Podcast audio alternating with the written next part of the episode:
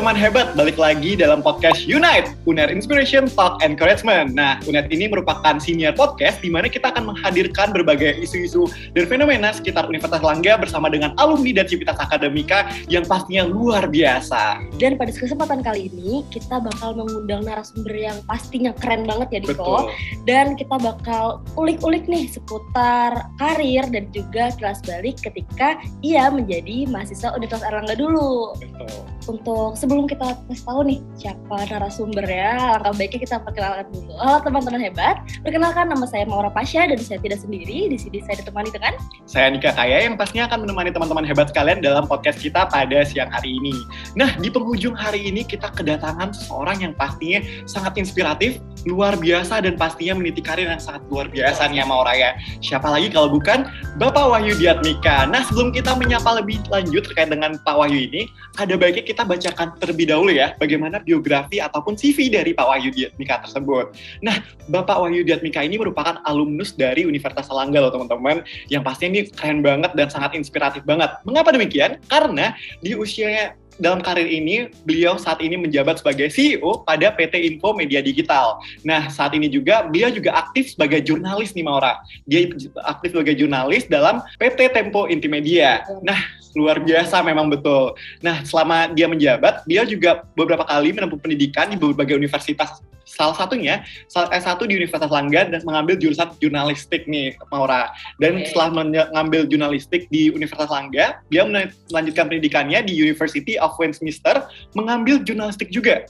Dan masih jurnalistik lagi ya. masih jurnalistik ini konsistennya udah sangat-sangat luar biasa sekali nih.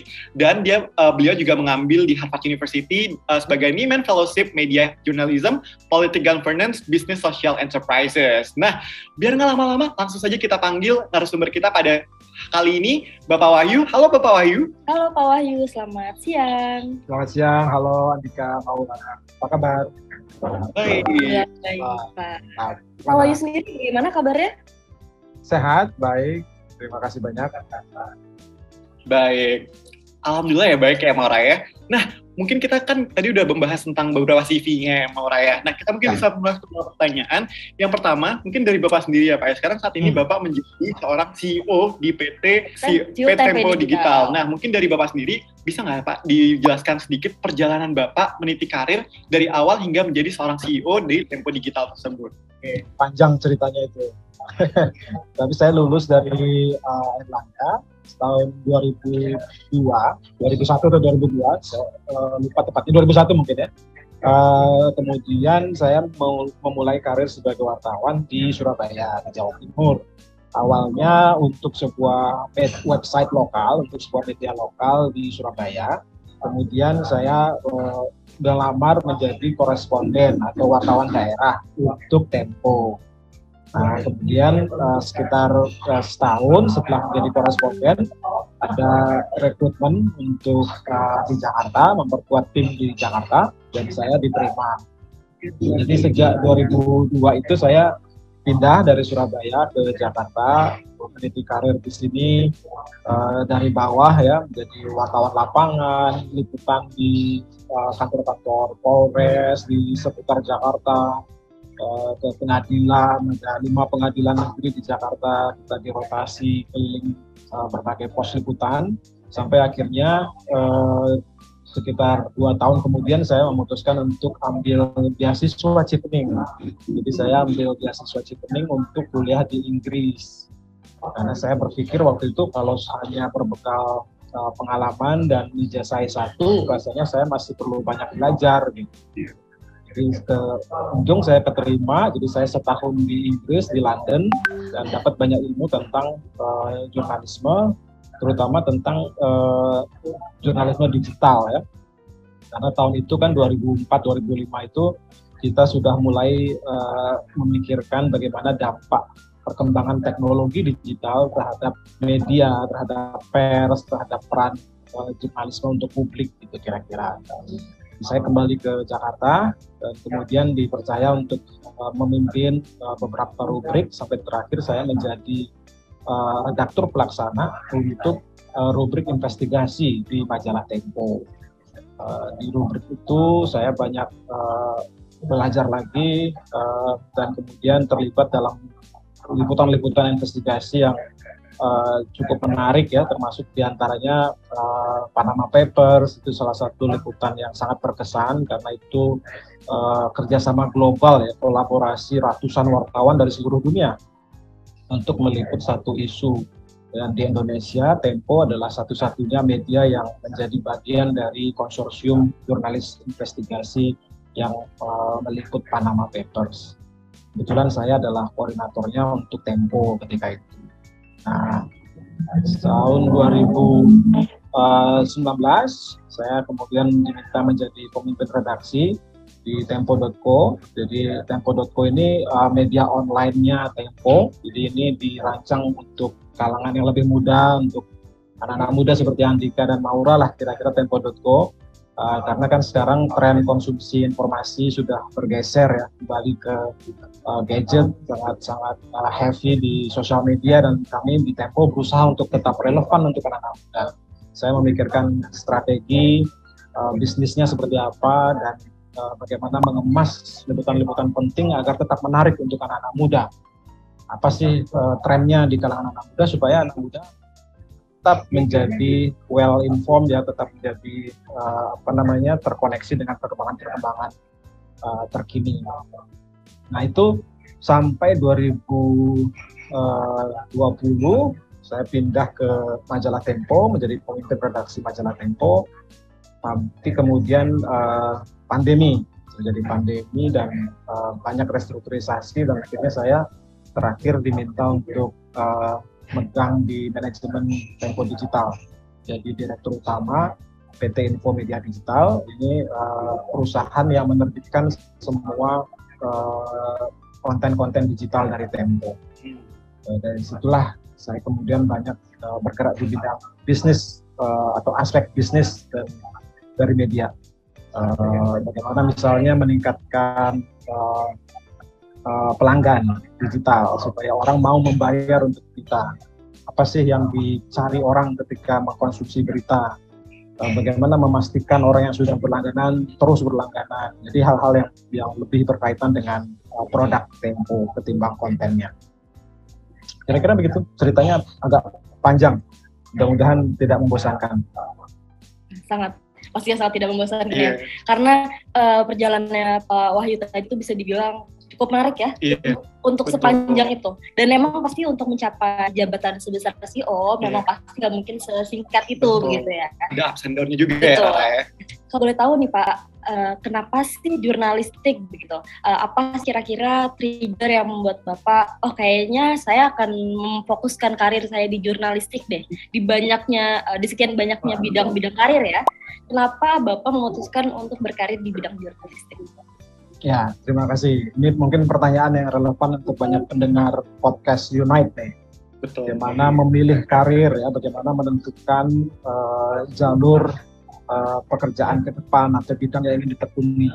Kalau saya yang paling uh, penting waktu itu adalah uh, mengenali apa yang saya sukai. Jadi saya kepingin bekerja itu tidak terpaksa atau tidak karena sekedar untuk mencari gaji atau mencari nafkah gitu ya.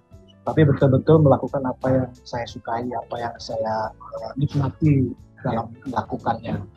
Kebetulan sejak SMA di Denpasar saya di SMA 1 Denpasar Bali saya terlibat di pers kampus eh, sorry pers sekolah ya majalah sekolah. Jadi uh, saya senang menulis, saya senang ketemu orang, saya senang mewawancara, senang mengamati dan menuangkan hasil pengamatan, hasil wawancara itu dalam tulisan. Jadi uh, ada kenikmatan tersendiri gitu ya ketika uh, buah karya kita kemudian dibaca secara luas, uh, menjadi bahan diskusi, menjadi uh, apa namanya tambahan informasi yang membantu orang mengetahui apa yang sebenarnya terjadi. Jadi ada ada peran itu, ada idealisme itu yang yang mempengaruhi kenapa saya suka jadi wartawan.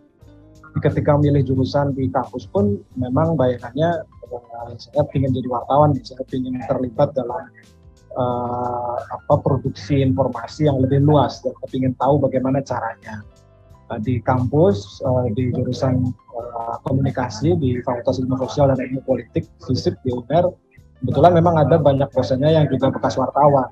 Jadi kita banyak kuliah lapangan, ketemu dengan uh, apa redaksi media-media besar di Surabaya, dan kemudian saya juga terlibat di retorika lembaga pers mahasiswa di FISIP dan mempraktekkan apa yang saya pelajari di bangku kuliah langsung ke uh, kerja-kerja real gitu ya.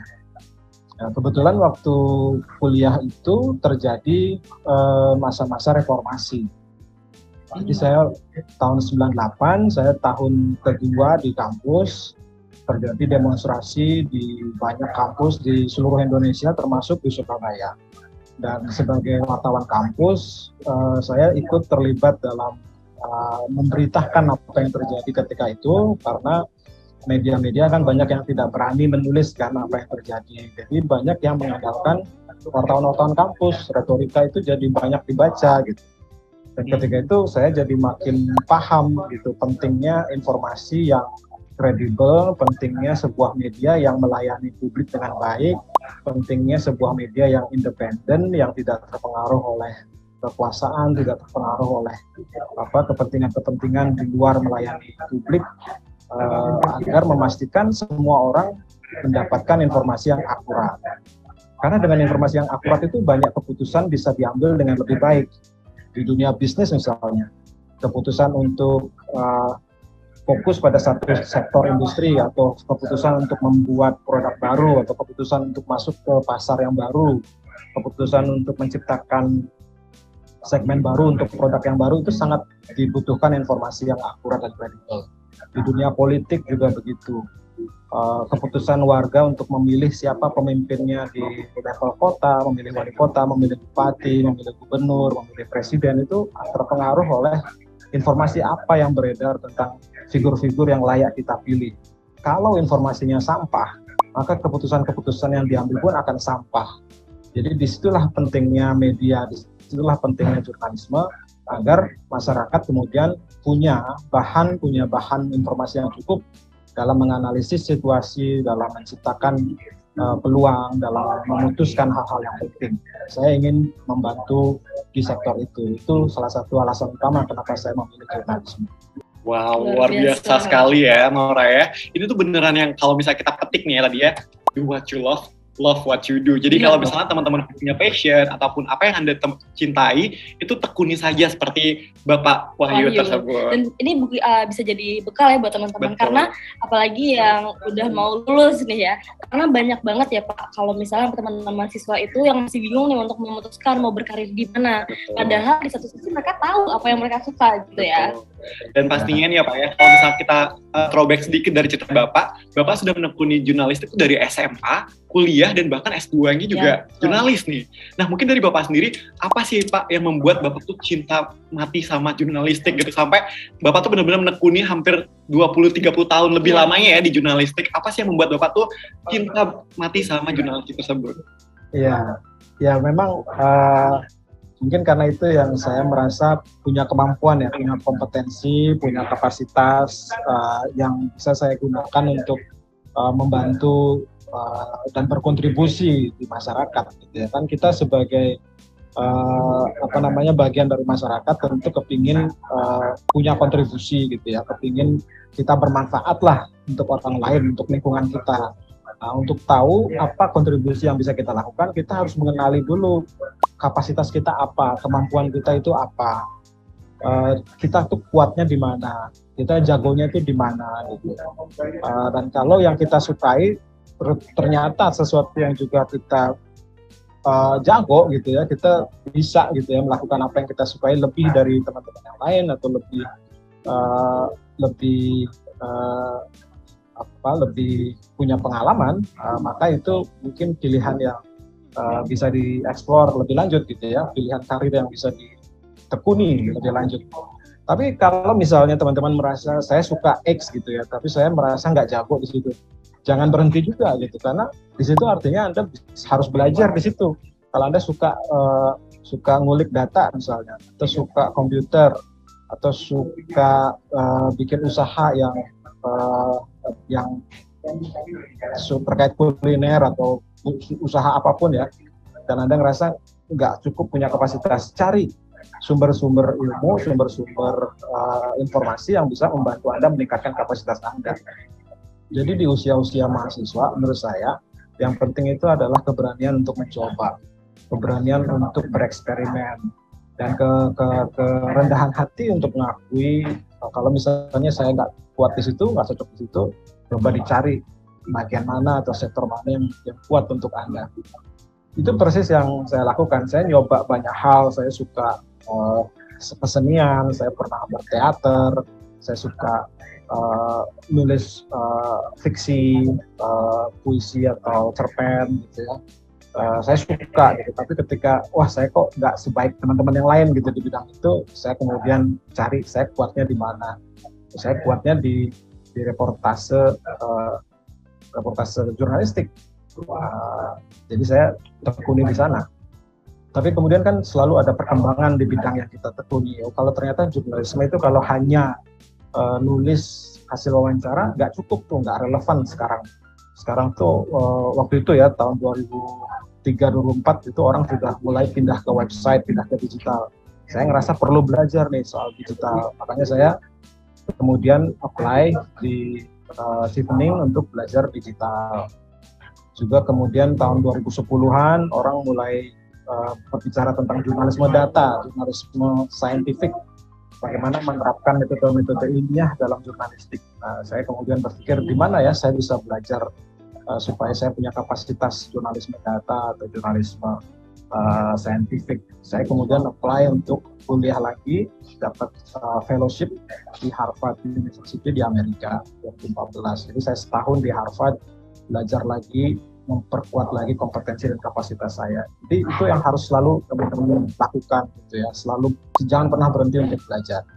Jangan pernah berhenti untuk belajar, belajar nih Rara. Dicatat ya. Dicatat, ya. dicatat. Nah, teman-teman juga tuh uh, bisa nih semoga bisa tertanam ya di kepala kita semua karena uh, benar kata Pak Wahyu ini kalau misalnya kita ngerasa kurang banyak banget ya media untuk Betul. kita belajar gitu. Apalagi sekarang uh, ini udah canggih, udah banyak teknologi, memudahkan kita untuk belajar. Yang penting tuh ada kemauan gitu. Iya, betul. If there's a will, there's a way ya yes, kalau kata orang.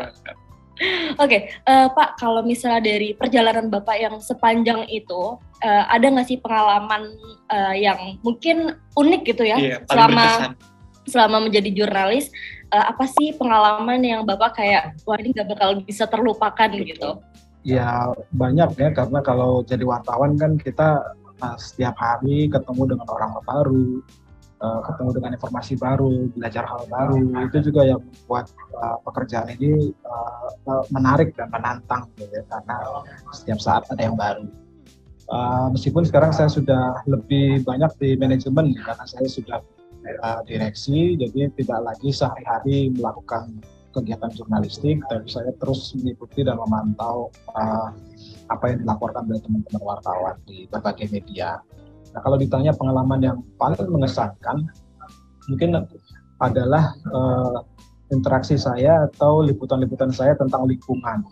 Jadi saya pernah uh, datang ke Merauke di Papua uh, waktu itu tahun 2012 2013 mungkin ya. Waktu itu uh, pemerintah merencanakan sebuah proyek raksasa untuk mengubah hutan di Merauke itu menjadi sebuah perkebunan uh, perkebunan uh, produk-produk atau komoditas yang bisa diekspor ya. Jadi terutama ada uh, industri kayu, ada jagung, ada pangan dan seterusnya.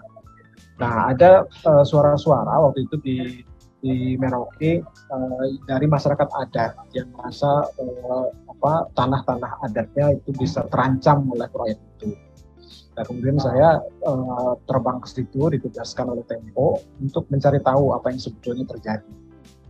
Saya datang ke Merauke, pertama kali saya ke Papua, kemudian masuk ke tengah hutan, uh, bermalam bersama dengan uh, masyarakat adat di situ, uh, mendengarkan cerita-cerita mereka, mencoba menyelami keresahan dan kegundahan mereka, apa yang membuat mereka khawatir, uh, bagian mana dari proyek itu yang membuat mereka merasa tidak dilibatkan atau merasa tidak akan mendapat manfaat uh, dan melihat keseharian mereka dan bagaimana proyek itu akan mengubah keseharian itu. Jadi semacam studi antropologis meskipun dalam tempo yang sangat singkat ya. Uh, dan itu itu sangat berkesan buat saya karena saya jadi sadar bahwa pembangunan itu tidak bisa hanya satu sisi. Mungkin pemerintah punya niat baik, mungkin uh, apa namanya cita-citanya bagus gitu ya meningkatkan taraf hidup masyarakat, tapi ketika itu dilakukan tanpa mendengarkan suara publik, tanpa mendengarkan uh, kepentingan dari mereka yang terdampak, sesuatu yang diniatkan sebagai proyek yang baik itu bisa ditolak oleh publik. Jadi kembali pada pentingnya komunikasi, pentingnya uh, mendengarkan, pentingnya uh, proses yang inklusif, yang transparan, yang akuntabel. Karena kalau itu tidak dilakukan, sesuatu yang bagus di atas kertas bisa jadi uh, ditolak dan negatif gitu persepsinya. Dan itu terjadi di banyak sektor ya. Tidak hanya proyek pemerintah, banyak sekali relasi-relasi antara korporat dengan dengan warga, antara pemerintah dengan warga, antara organisasi dengan organisasi lain yang sering kali jadi runyam karena komunikasinya tidak bagus, karena tidak tidak uh, cukup terbuka untuk menerima masukan. Dan kejadian di Merauke itu di Papua itu juga menyadarkan saya pentingnya uh, kita menjaga lingkungan kita dan melihat bagaimana kerusakan yang terjadi akibat pembangunan itu susah sekali di, di, diperbaiki ya karena hutan yang sudah bertahun-tahun tumbuh gitu ya menjadi tempat hidup untuk banyak spesies menjadi habitat untuk banyak spesies dan juga me menjaga suhu bumi kita agar tidak semakin panas akibat uh, berbagai emisi karbon itu di, di lapangan seperti apa gitu uh, kerusakan yang sudah terjadi. Jadi ada di tengah hutan itu, meskipun hanya beberapa hari, itu uh, itu membuat saya menyadari bahwa misi kita kadang lebih besar dari sebatas uh, pekerjaan gitu. Kita hidup di dunia ini kan harus memberikan manfaat dan uh, ancaman yang terbesar yang kita alami saat ini adalah uh, bagaimana kita menjaga bumi kita supaya tetap bisa di bisa didiami dengan sehat dengan nyaman oleh generasi-generasi setelah kita. Jadi ancaman pemanasan global, ancaman krisis iklim itu sangat-sangat nyata dan itu yang saya sadari setelah liputan di Papua. Wah, betul ya Mora ya. Dan perlu dipahami juga, mungkin kalau misalnya kita bisa petik dari cerita sebelumnya, itu yang berkesan tuh sebenarnya kita bisa belajar bahwa kalau misalnya kita ngeliat fenomena gitu ya, kita tuh harus lihat dari berbagai sudut pandang. Betul. Seperti misal tadi di waktu di Merauke gitu ya Pak ya, itu kayak kita nggak cuma ngeliat dari sisi pemerintah, tapi kita juga bisa lihat dari sudut pandang okay. lainnya, warga ya seperti apa yang dirasakan. Nah, tadi Bapak juga sedikit menyinggung terkait dengan ancaman terbesar ya Pak ya. Mungkin kalau misalnya sebagai jurnalis atau pers itu kerap uh, dengan adanya ancaman. Ada nggak sih Pak kalau misal dari uh, selama Bapak berpengalaman menjadi jurnalis, ada nggak sih Pak terkait dengan tantangan terbesar yang Bapak pernah hadapi selama Bapak menjadi pers ataupun jurnalis tersebut? Ya, tentu biasanya uh, ketika liputan kita uh, kritis dan uh, mengungkapkan sesuatu yang mungkin uh, sensitif gitu ya, akan ada pihak yang bereaksi balik uh, biasanya mereka protes, uh, kenapa diberitakan seperti itu? Kenapa versi saya tidak dimuat secara utuh? Uh, atau informasi Anda keliru, yang benar seperti ini. Dan itu adalah sesuatu yang wajar saya belajar dari banyak senior di Tempo dan terutama dari salah satu wartawan senior di Indonesia waktu itu uh, di Indonesia Raya sampai sekarang masih hidup Pak Atma Kusumah Astra Atmaja. Pak Atma Kusumah ini redaktur pelaksana dulu di Indonesia Raya di bawahnya Pak Muhtar Lubis. Nah, ketika uh, Tempo uh, digugat oleh beberapa pihak uh, beberapa tahun lalu, Pak Atma Kusumah sering datang ke redaksi kami dan berdiskusi.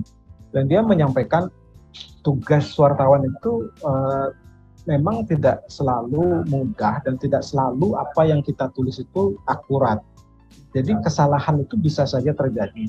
Tetapi yang penting bagaimana supaya kita ketika menulis itu tidak punya niat buruk. Tidak punya niat untuk mencemarkan nama baik, tidak punya niat untuk melukai martabat orang lain. Jadi yang penting adalah intensinya. Bagaimana mengukur intensi baik itu? Dengan konfirmasi, dengan verifikasi. Jadi kalau Anda menulis X buruk, Anda harus datang pada si X dan bertanya apa benar tuduhan ini dan memberi dia ruang untuk menjawab, merespon tuduhan itu. Jadi itulah yang membuktikan bahwa wartawan tidak punya niat buruk karena dia harus konfirmasi, dia harus melakukan uh, wawancara dengan pihak yang tertuduh. Kalau itu sudah dilakukan dan tetap terjadi kesalahan, segera koreksi, segera minta maaf. Tidak tabu untuk wartawan minta maaf. Tidak tidak tidak gengsi, tidak boleh gengsi untuk minta maaf kalau memang terjadi kesalahan. Bahkan sebelum dikomplain, sebelum dituntut, uh, sebelum digugat, kalau kita tahu kita salah, segera koreksi, segera minta maaf dan itulah demokrasi ya, itulah bagaimana demokrasi menjaga kebebasan pers dan bagaimana kebebasan pers bisa menjaga demokrasi. Jadi tulisan dibalas dengan tulisan. Sebuah tulisan yang keliru dikoreksi dengan tulisan berikutnya. Sebuah artikel yang tidak akurat diperbaiki dengan koreksi dan disertai permintaan maaf. Itu proses yang sangat-sangat biasa. Selama memang disiplin verifikasi dan kode etiknya sejak awal konsisten ditegakkan, tidak ada niat buruk, tidak ada sengaja mencemarkan gitu ya. Itu yang saya pelajari dan karena itu setiap tantangan atau ancaman terhadap Tempo nyaris selalu tidak pernah uh, berujung fatal untuk Tempo. Tidak pernah sampai wartawan kami di penjara atau kantor Tempo dibuat bangkrut gitu ya oleh gugatan. Tidak tidak pernah sampai terjadi seperti itu. Karena kami selalu berusaha mengkonfirmasi dan selalu memberi ruang kalau ada yang uh, memang ingin uh, apa namanya mengoreksi liputan-liputan Tempo. Begitu kurang lebih. Ini juga jadi alasan gak sedikit iya, kenapa kita sangat menghargai dan berterima kasih kepada uh, para jurnalis di luar sana. Karena para jurnalis di luar sana itu dibalik bacaan yang kita baca ya, Betul. ya, itu tuh banyak sekali perjuangan yeah. untuk menyusun Betul. beberapa paragraf-paragraf yang kita baca yeah, setiap harinya. Itu. Mungkin seperti pengalaman Pak Wahyu juga ya, waktu beliau menjadi di retorika juga, beliau yeah. kan iya. juga meliput apa kejadian 98 dan pastinya waktu meliput 98 tuh nggak semudah gak itu ya, Mbak ya. Pasti adanya beberapa ancaman dari pihak terkait dan mungkin ada beberapa ancaman untuk one shutdown dari berita tersebut juga pasti ada ya. Dan seperti kata Pak Wahyu, yang penting kita menulis betul. itu uh, untuk intensi yang baik, nggak ada uh, niat Niatan buruk. buruk betul. Gitu. Oke, okay, luar biasa uh, Pak Wahyu, terima kasih atas uh, informasi kita banyak il uh, ilmu loh, dapat ilmu walaupun mungkin kita di sini bukan ada di bidang Jurnalis, komunikasi betul. jurnalistik gitu. Semoga ini bisa buat uh, bermanfaat bagi teman-teman yang khususnya juga pengen jadi jurnalistik mungkin ya, betul. yang masih berusaha mencari jati diri. Nah, Pak Wahyu, ini kalau kita lihat-lihat ya, katanya Pak Wahyu itu pernah jadi dosen di Universitas Airlangga. Nah, kalau uh, gimana sih Pak kala itu kita waktu membagi Bapak di uh, profesi yang dua-duanya itu uh, kita waktu, kita pikiran dan energi? Ya, saya sebetulnya uh, dosen tidak tetap di sejumlah kampus di Jakarta. Uh, sesekali diminta oleh kawan-kawan uh, dosen di FISIP untuk mengisi kuliah. Uh, jadi saya kalau diminta pasti berusaha meluangkan waktu karena uh, saya sadar uh, Langga adalah salah satu lembaga yang uh, menjadikan saya seperti saya saat ini gitu ya. Jadi kalau saya bisa membantu dengan cara apa pun, apalagi cuma diminta meluangkan waktu beberapa jam untuk sharing, untuk tukar pikiran, untuk diskusi, saya selalu berusaha uh, bersedia dan selalu berusaha mencarikan waktu. Jadi kalau uh, apa namanya teman-teman di uh, FISIP biasanya uh, terutama uh, kepinginnya sharing tentang industri jurnalisme, industri pers saat ini itu seperti apa. Karena itu sesuatu yang saya lakukan, sesuatu yang saya dalami, sesuatu yang uh, saya lakukan sehari-hari gitu ya. Jadi tidak terlalu susah. Ya, tinggal me menyiapkan uh, beberapa pointers, kemudian uh, saya jadi narasumber untuk beberapa jam.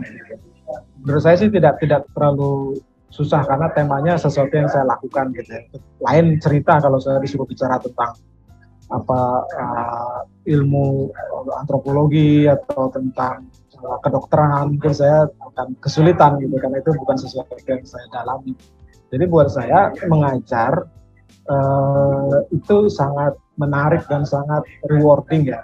Karena ketika uh, ketemu teman-teman mahasiswa diskusi itu saya sebetulnya ikut belajar jadi untuk menyiapkan kuliah 2-3 jam gitu misalnya kan saya harus baca lagi, saya harus cari bahan, dan saya harus uh, menyiapkan slide dan itu proses yang menarik gitu karena saya jadi baca banyak hal yang mungkin sebelumnya tidak sempat saya baca untuk persiapan memberi kuliah.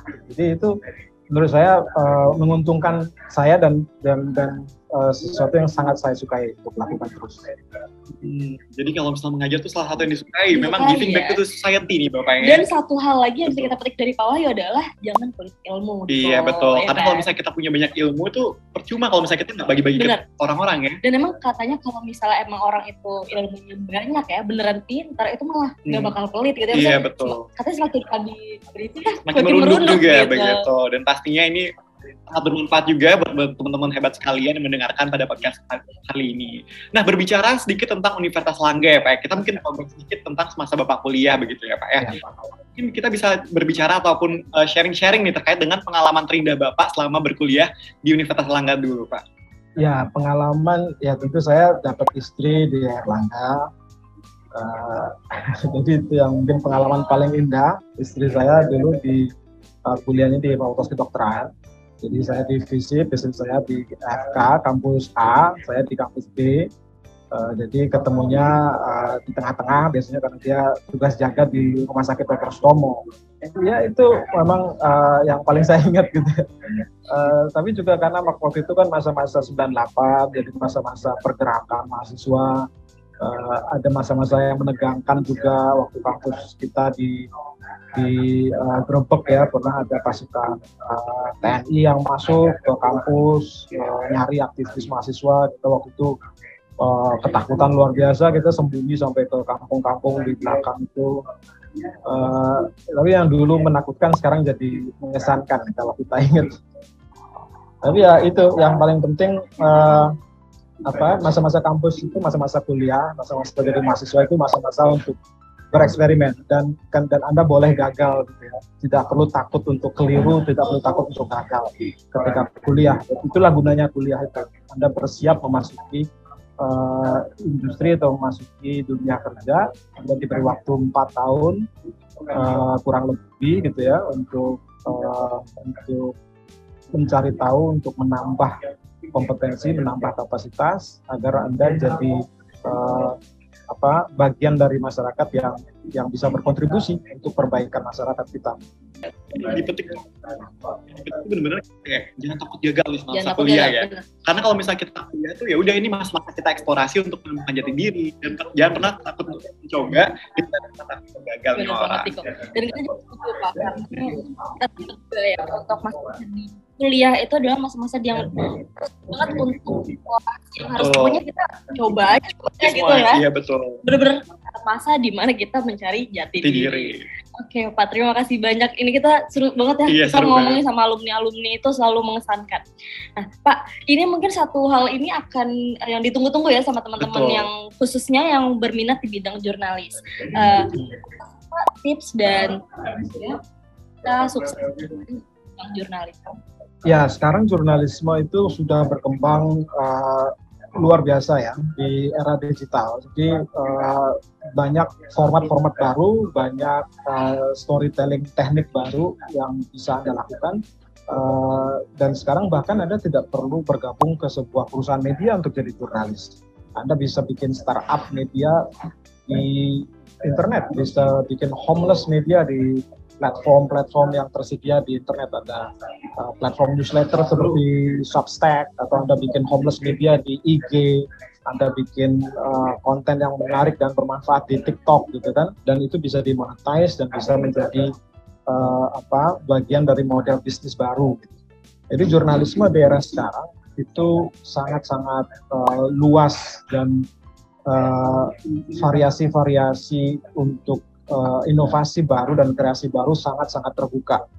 Jadi ini dunia yang uh, sedang berkembang, dunia jurnalisme, uh, karena model-model konvensional, model-model yang saya pelajari dulu di bangku kuliah, sekarang sebagian besar tidak terlalu relevan. Dan sekarang dibutuhkan pikiran-pikiran uh, baru, ide-ide baru dari para wartawan yang uh, mungkin sedang bersiap memasuki industri pers, uh, untuk me, me, membentuk format baru jurnalisme di era digital untuk generasinya, untuk generasi yang teman-teman uh, saat ini uh, sedang berada gitu ya. Karena saya yakin setiap generasi itu punya suaranya sendiri, punya karakternya sendiri, dan uh, storytellernya atau truth tellernya, orang yang bercerita tentang kebenaran dan uh, tentang informasi itu harus bisa menyesuaikan dengan generasi. Siapa yang lebih tepat menjadi truth seeker dan storyteller untuk generasi-generasi uh, yang ada sekarang, generasi Anda ya tentu orang yang berasal dari usia yang sama gitu. Uh, artinya kesempatan itu terbuka luas. Apa yang bisa saya share adalah pentingnya untuk selalu kenal dengan publik Anda atau audiens Anda. Jadi kalau Anda ingin jadi wartawan yang baik, ingin jadi jurnalis yang berhasil gitu ya, Anda harus tahu betul apa yang dianggap penting oleh publik Anda. Apa cara bercerita yang tepat untuk menyampaikan sebuah informasi kepada audiens Anda. Karena sekarang semua audience centric approach gitu ya. Audiens ada di uh, ada di porosnya, ada di inti dari uh, ekosistem informasi. Nah, itu yang sering kali kita lupa nih sebagai wartawan. Kita sering kali berpikir dari sisi saya, dari sisi produsen informasi dan lupa siapa konsumennya, siapa audiensnya. Dan itu yang membuat uh, orang sering bosen baca berita atau sering tidak tidak tidak tertarik dengan berita karena merasa tidak diceritakan dengan model yang menarik untuk uh, mereka. Mungkin itu. Oke, berarti kunci yang pertama tuh agile nih Karara. Jadi ya, kayak betul. kita tuh gimana cara kita adaptif sama kondisi kita saat ini. Kalau misalnya dulu zaman-zaman jurnalis atau pers gitu kita pakai koran ataupun media majalah dan sebagainya, tapi ya. kita sekarang bisa menggunakan Instagram, sosial media, betul. seperti TikTok juga ya Rara ya. Yang nggak harus artikel ya. betul. ya. Bisa sekarang banyak banget uh, portal media itu yang masih di Instagram bentuk dari bentuk foto dan yang mudah di swipe dan mudah dicerna juga bagi Betul. para netizen. Dan gitu. yang kedua juga nih Rara ya, selain kita juga agile, kita juga harus tahu audiens kita itu siapa. Hmm. Itu penting banget nih ya. Karena memang betul banget kalau misalnya kita di nggak cuma jurnalis aja, tapi kadang biasanya kalau misalnya kita buat produk sendiri pun untuk ya, jualan, kita harus tahu marketnya siapa. Betul, harus tahu siapa demand kita siapa dan sebagainya gitu. Luar biasa. Terima kasih sekali lagi ya Pak Wahyu karena di sini kita benar-benar dapat ilmu, ilmu terus, yang sangat insightful. Teman-teman yang tadi uh, mungkin sekarang masih berusaha uh, apa ya ingin mengejar karir di bidang jurnalistik bisa tadi dicatat ya jawaban-jawaban dari Pak Wahyu karena pastinya bisa dijamin bisa uh, sangat uh, membantu teman-teman dalam meraih karir yang kali Betul. Nah, Pak Wahyu, sekarang kan Bapak menjabat sebagai CEO di salah satu perusahaan Tempo, begitu ya Pak ya. Nah, mungkin dari Bapak Wahyu sendiri dalam 5 atau 10 tahun ke depan, nggak sih Pak target atau goals yang mungkin Bapak harapkan atau yang belum tercapai hingga saat ini Pak?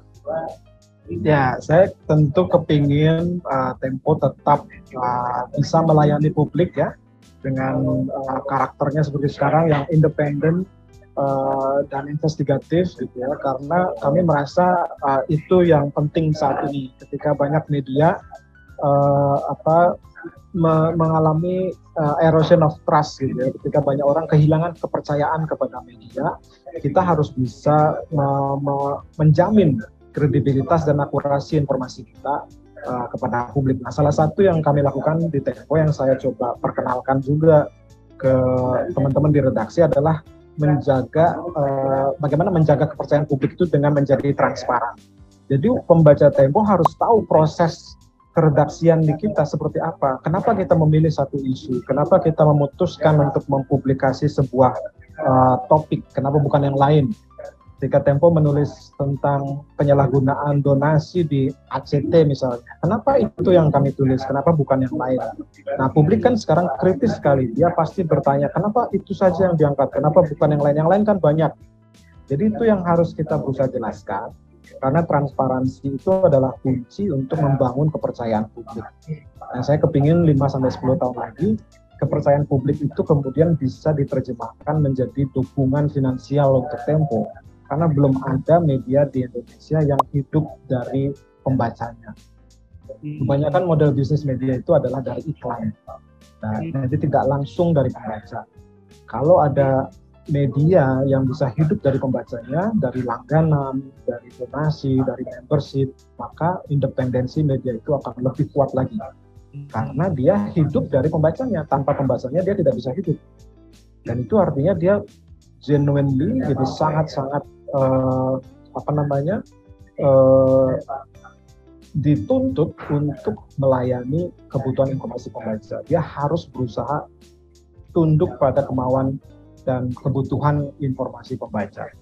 Nah, kalau itu sudah terjadi, berarti kan dia dipercaya, dipercaya oleh publik.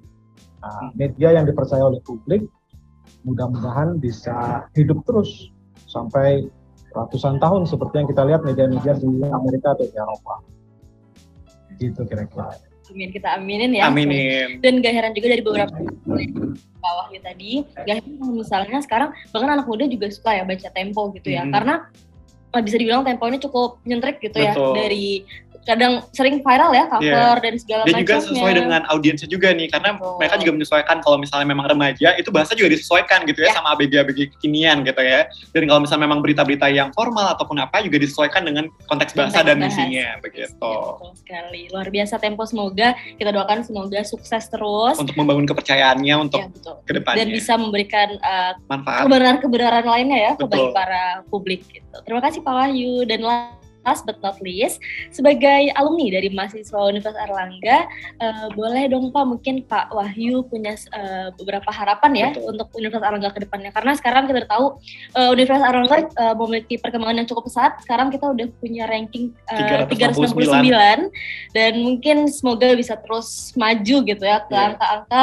yang semakin di depan. Betul. Eh, untuk Pak Wahyu sendiri sebagai alumni, eh, apa sih Pak yang Bapak harapkan untuk eh, mantan universitas Bapak eh, Alumni untuk ini. ke depannya? Iya. Betul. Harapan Ya. Bapak gitu. Ya, tentu saya berharap kampus UNER semakin maju, semakin uh, apa namanya terdepan gitu ya dalam memberikan uh, layanan pendidikan untuk uh, semua mahasiswanya. Yang ukuran yang indikator yang paling penting ya, ukuran yang paling penting menurut saya sebuah kampus yang berhasil atau tidak tentu adalah uh, dari apa yang kemudian dirasakan atau apa yang kemudian di uh, apa yang terjadi pada para alumninya gitu kan. Karena dari alumni itulah tercermin hasil tempaan hasil didikan hasil proses yang terjadi di kampus. Dan uh, sejauh ini sih kita bisa lihat sendiri bagaimana alumni alumni UNER ya cukup uh, kompeten dan cukup uh, memberi kontribusi di bidangnya masing-masing kalau jumlah uh, itu uh, bisa ditingkatkan bisa ditambah di- itulah sebetulnya uh, kontribusi atau sumbangsi UNER yang paling konkret untuk uh, Indonesia gitu menghasilkan uh, generasi-generasi terdidik yang uh, berkontribusi positif. Uh, jadi harapan saya ya UNER terus menjalankan fungsinya yang uh, yang baik seperti itu, terus mencetak alumni-alumni yang uh, kontribusinya positif untuk publik Uh, dan nanti generasi Andika dan Maura yang uh, pada gilirannya akan membuktikan kepada Indonesia apa sumbangsi UNER untuk uh, untuk kita semua. Amin. Kita aminin, Amin. amin banget ya Allah. Terima kasih Pak Wahyu. Semoga kami berdua ya dan teman-teman audiens yang nonton Betul. podcast Teman-teman ini hebat bisa ya. menyusul jejak Pak Wahyu dalam berkarir di Betul. bidangnya masing-masing. Betul, di bidang masing-masing dan sesuai dengan passion terbaik mereka ya. Betul. Nah, Pak Wahyu, setelah kita sesi apa berbicara ngobrol-ngobrol lebih lanjut, kita bakal ada sesi yang mungkin lebih calm, lebih Ya. seru, lebih santai juga nih Pak Wahyu. Kita bakal bermain tebak gambar. Nah, di sesi tebak gambar ini nanti akan ada foto yang menampilkan beberapa objek yang pastinya Bapak itu sudah sangat-sangat familiar, Familiar. betul. Dan nanti Bapak bisa menebak kira-kira ini fotonya gambar apa dan mungkin bisa ceritakan sedikit ya. Apa sih yang terlintas di benak Pak Wahyu ketika melihat foto tersebut? Begitu. Nah, mungkin biar nggak lama-lama ini, langsung aja kita Kita mulai ke gambar yang pertama ya. Terkait dengan apa sih yang eh, ada di benak Pak Wahyu ketika Bapak melihat gambar pertama ini. Baik. Nah, Oke. ini merupakan patung nih. Kira-kira Rara bisa nebak nggak sih ini patung nih? apa ini ya? mungkin dari Pak Wahyu ada kira-kira patung apa ini Pak? Ini patung uh, Surabaya, ikon Surabaya ya. Oh, Ini buaya. berbicara tentang Surabaya. Surabaya, mungkin ada nggak sih Pak terlintas pengalaman ataupun momen gitu ya di Surabaya? Apa sih yang mengingatkan Bapak gitu ketika Bapak mendengar kata Surabaya begitu Pak? Ya, Surabaya akan selalu menjadi tempat yang spesial di hati saya gitu ya karena ini uh, kota yang uh, pertama yang saya singgahi setelah uh, merantau gitu ya keluar dari rumah orang tua di Bali kota pertama tempat saya hidup sendiri mandiri ya Surabaya Jadi ya itu juga kota tempat saya mengenal istri saya dan uh, mulai apa menapak jejak hidup saya sekarang menjadi wartawan itu juga dimulai di Surabaya. Jadi semua sudut Surabaya itu selalu penuh kenangan buat saya. Wow. Yang luar biasa. Dan jawabannya bener ya, Mora ya, Surabaya. Waduh, sangat memorable juga bagi Pasti, Pak Wahyu ya. dan mungkin buat teman-teman hebat juga sekalian yang kuliah di UNER pasti juga Pasti nanti kita beberapa tahun lagi bakal Mengenang. jawaban yang sama Iya, gitu ya. mengenang. Karena Surabaya pasti punya uh, tempat cerita yang spesial. tersendiri, Punya betul. cerita yang tersendiri gitu. Kita gitu ya. Iya. Oke, selanjutnya Oke, Oke. ini sebuah gedung oranye nih Maura. Gedung. Kira-kira gedung apa gedung ini? yang uh, emblemnya di alma mater, apa alma mater itu Cukup cukup nyen- nyentrik. nyentrik. Ya, karena warnanya oranye nih. Iya, kelihatan banget tuh kalau Iya. ada yang lewat kayak wah ini kelihatan banget anak Iya, mana gitu. iya betul. Mungkin dari Bapak bisa menebak itu kira-kira gedung apa Pak? Dan mungkin bisa diceritakan sedikit pengalaman Bapak di gedung itu ada nggak sih Pak? Pengalaman yang terkesan, memorable yang mengingatkan Bapak ketika Bapak ngeliat gedung tersebut begitu. Ya itu gedung FISIP, gedung kuliah saya dulu di UNER. Yang terkesan itu dulu di belakang itu ada student center. Student center itu uh, untuk semua UKM, ini kegiatan mahasiswa. Jadi saya aktif di dua UKM dulu di Wanala, di pecinta alam, sama di retorika. Dan dua-duanya itu ruang student centernya bisa dipakai nginep. Jadi kadang-kadang saya nginep di kampus ya tidurnya di di student center itu di belakang. Gitu. Jadi Cinta kampus lain. Bukan cuma sekedar belajar tapi benar Iya. bisa buat di Di Nginep ya. bener banget. Dan bener nggak sih Maura jawabannya kira-kira Fiskuner? benar-benar banget lah Udah pastinya bener ya. banget. ya, Betul. Jawabannya betul untuk Fisip Oke, Uner. last but not least, ada Foto yang terakhir. Wah, Baik, ini gedung. gedung nih. Ini gedung di ibu kota Gedung nih. apa ya? Gedung apa nih ya? Mungkin dari Pak Wahyu bisa melihat ini gedung apa dan apa yang mengingatkan Bapak terkait dengan gedung tersebut begitu Pak? Ya, itu gedung Tempo di Palmera di Jakarta Selatan, tempat kami bekerja sebagai uh, bagian dari uh, Tempo transaksi dan bisnisnya. Jadi gedung itu uh, didirikan tahun 2015. Jadi sebelumnya kami berkantor di Kebayoran Baru yang koran Tempo yang majalah di Menteng. Tapi kemudian 2015 semua jadi satu di Palmera. Jadi sekarang kawasan itu eh, banyak kantor-kantor media di situ karena Kompas juga di Palmera, Jakarta Post di Palmera, Eh, dulu kantornya Indopos, grupnya Jawa Pos juga di Palmera, dekat situ gitu ya. Di eh, itu kawasan eh, sentra industri pers Indonesia kira-kira. Wow, Di baru Palmera. tahu juga nih ya. Jawabannya kira-kira bener nggak itu tadi gedung Tempo? Bener. Oke, Betul. kita bener aja deh. Iya, karena kita nggak tahu ini sebenarnya. Kita Kita kalau misal sekilas kalau kita tadi nggak ngeliat tulisan kecil di satu Iya. sisi itu, kayak kita nggak tahu itu gedung apa. tapi gitu. beda lagi kalau misal temen-temen yang emang pengen jurnalis pasti pas nonton ini kayak Ini "Ih, memang udah pengen tahu banget gitu ya. pengen deh kerja di sini. Betul. Kita aminin ya, semoga temen-temen yang nonton yang emang pengen uh, melanjutkan melanjutkan karirnya karir di di bidang bidang jurnalis, Betul. Kita aminin bisa kerja di Betul. Tempo. Siapa tahu ketemu Pak Wahyu. Iya ketemu Wahyu kan CEO ya. Jadi kayak Iya. ketemu dari nonton podcast terus langsung ketemu, ketemu, CEO. sebagai bawahannya gitu ya. Dan melanjutkan tentunya karir dari Pak Wahyu begitu ya kalau teman-teman yang mengikuti pengen. jejak karirnya. Semoga suksesnya sama gitu Iya ya. betul, amin. Oke, terima kasih banyak Pak Wahyu atas waktunya. Terima kasih sudah meluangkan waktu untuk ngobrol-ngobrol bareng Andika dan saya, Maura. Eh, sekali lagi, eh, terima kasih kami ucapkan atas ilmunya, atas pengalamannya. Semoga eh, kalau udah buat kita udah jelas ya, sangat-sangat bermanfaat, sangat eh, super insightful buat kita berdua. Dan semoga hal yang sama bisa juga Diterima oleh sampai teman-teman hebat teman-teman hebat yang menonton podcast ini. Betul. Mungkin saya Andika, Dan saya Maura Pasha. kami berdua pamit undur diri dan sampai jumpa di podcast, Podcast Unet berikutnya. Bye bye.